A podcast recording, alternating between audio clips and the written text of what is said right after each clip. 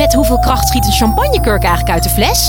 Ja, het is feest bij Quest. Al twintig jaar serieus leuk, met nieuwsgierige vragen en antwoorden uit de wetenschap. Zo maken we Nederland elke dag een stukje slimmer. Nu in de winkel en op quest.nl.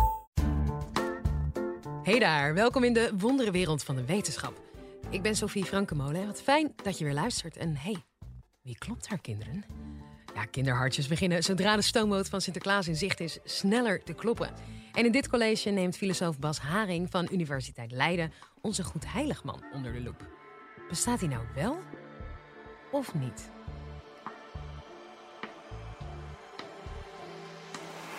Live vanuit Club Air is dit de Universiteit van Nederland. Ik vind dat al een gave vraag. Bestaat Sinterklaas? En ik ga ook op die vraag in. En het voorbeeldje wat ik heb is, uh, is deze uh, dobbelsteen. Dat is een dobbelsteen in een mens spel. En in het mens spel zitten hele leuke dobbelstenen. Dat zijn dobbelstenen die je niet zelf hoeft te gooien. Maar dat zijn dobbelstenen die voor je gegooid worden als je op een knop drukt. En ik heb speciaal om deze dobbelsteen gegooid, gevraagd, omdat ik niet degene ben die de dobbelsteen gooit, maar die dobbelsteen, ja, die, die dat gaat gewoon vanzelf. Je kunt je voor, ik, ik ga straks wel die, op, op, op dit ding drukken, zodat het de dobbelsteen gaat rollen. Maar het had ook een robotarm kunnen zijn die de dobbelsteen had doen, eh, had doen rollen. Is deze dobbelsteen voorspelbaar? Natuurlijk niet. Dat is de essentie van een dobbelsteen. De essentie van een dobbelsteen is dat het gedrag van die dobbelsteen onvoorspelbaar is. Dus of een 1, een 2 tot en met een 6. Je weet het van tevoren niet. Als je het wel zou weten, zou het geen eerlijke dobbelsteen zijn. Dat is het hele idee van een dobbelsteen. Toch? Deze dobbelsteen is onvoorspelbaar. Toch, als je een natuurkundige zou vragen of die dobbelsteen voorspelbaar is, dan zal de natuurkundige misschien zeggen van nou, als ik genoeg weet, als ik genoeg onderzoek mag doen aan die dobbelsteen. En als ik voldoende tijd krijg om die dobbelsteen uit ten treuren te bestuderen. Dan wordt die dobbelsteen misschien eigenlijk wel voorspelbaar voor mij. Dit ding luistert helemaal naar de natuurwet. Er is niks raars aan de hand. En als je alles weet over die dobbelsteen, dan is dat ding gewoon een soort mechaniekje zoals een apenkast. Er is niks raars bij aan de hand. Maar in het dagelijks taalgebruik, op een grofmazig niveau, wordt dat een onvoorspelbaar ding. En dan is de vraag, waar hebben we het over als we over die vrije wil praten? Praten we dan over iets grofmazigs of over iets fijnmazigs? In ieder geval, dit ding vind ik onvoorspelbaar, ondanks het feit dat er niks spannends verder aan de hand is en dat ding eigenlijk best wel voorspelbaar is. Nog een voorbeeld van grofmazige onvoorspelbaarheid en fijnmazige voorspelbaarheid. Het weer. Het weer is onvoorspelbaar. Toch, als je gaat inzoomen op de details van het weer en je gaat kijken wat gebeurt er eigenlijk in een stukje atmosfeer, dan gebeurt daar niks vreemds en is het gewoon voorspelbaar. Blijkbaar kan dat. Blijkbaar is het zo dat iets fijnmazig voorspelbaar is en grofmazig onvoorspelbaar. En persoonlijk zou de conclusie die ik zou trekken over het bestaan van de vrije wil, zou ongeveer iets als de volgende zijn. Ik zou zeggen van ja, maar ho, ho. Het kan heus zo zijn dat ik opgebouwd ben uit allerlei machinerietjes, zoals die apen in die apenkast. En het kan heus zo zijn, of het kan heus zo blijken, dat mijn hersenen eigenlijk niets meer zijn dan gewoon een machinerie. Dat betekent nog niet dat ik op een alledaags grofmazig niveau niet vrij ben. Zoals deze dobbelsteen onvoorspelbaar is, zo ben ik ook onvoorspelbaar. Ik heb stiekem toch een vrije wil. En mijn conclusie zou dus ook zijn, dat zou mijn conclusie vooralsnog dus zijn van, nou ja, weet je wel, over dat bestaan van die vrije wil. Ik vind het overdreven dat, uh, om te stellen dat de vrije wil niet bestaat. Maar dan ga ik toch een stapje te ver. Want wat ik eigenlijk nog moet doen, ik moet bestuderen wat het woord bestaan betekent. Dat moet je doen. Want wat, is, wat betekent die uitspraak? De vrije wil bestaat wel of de vrije wil bestaat niet. En dat zou ik willen doen. Ik zou in willen gaan op het, de betekenis van het woord bestaan. Aan de hand van het meest evidente, niet bestaande ding, persoon, Sinterklaas. Sinterklaas bestaat niet. Dat weten we allemaal. Waarom bestaat Sinterklaas niet? Wat, wat is het dat ervoor zorgt dat Sinterklaas niet bestaat?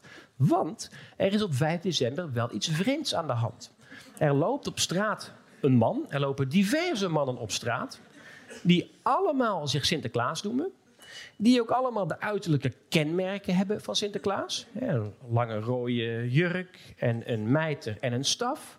Alle uiterlijke kenmerken van Sinterklaas zijn aanwezig. En bovendien noemt die vent zich Sinterklaas. Hoe, hoe kan ik dan beweren dat Sinterklaas niet bestaat? Ik denk dat het antwoord het volgende antwoord is. Is dat de werkelijkheid van die persoon te veel afwijkt van de verhalen die over die persoon worden verteld. Er wordt verteld over Sinterklaas dat het een heilige is die al meer dan een paar honderd jaar oud is. En hij komt met een boot uit Spanje naar Nederland varen. Dat is, en hij, hij kan bovendien met een paard op het dak ook nog eens een keer lopen en dan gooit hij cadeautjes naar beneden.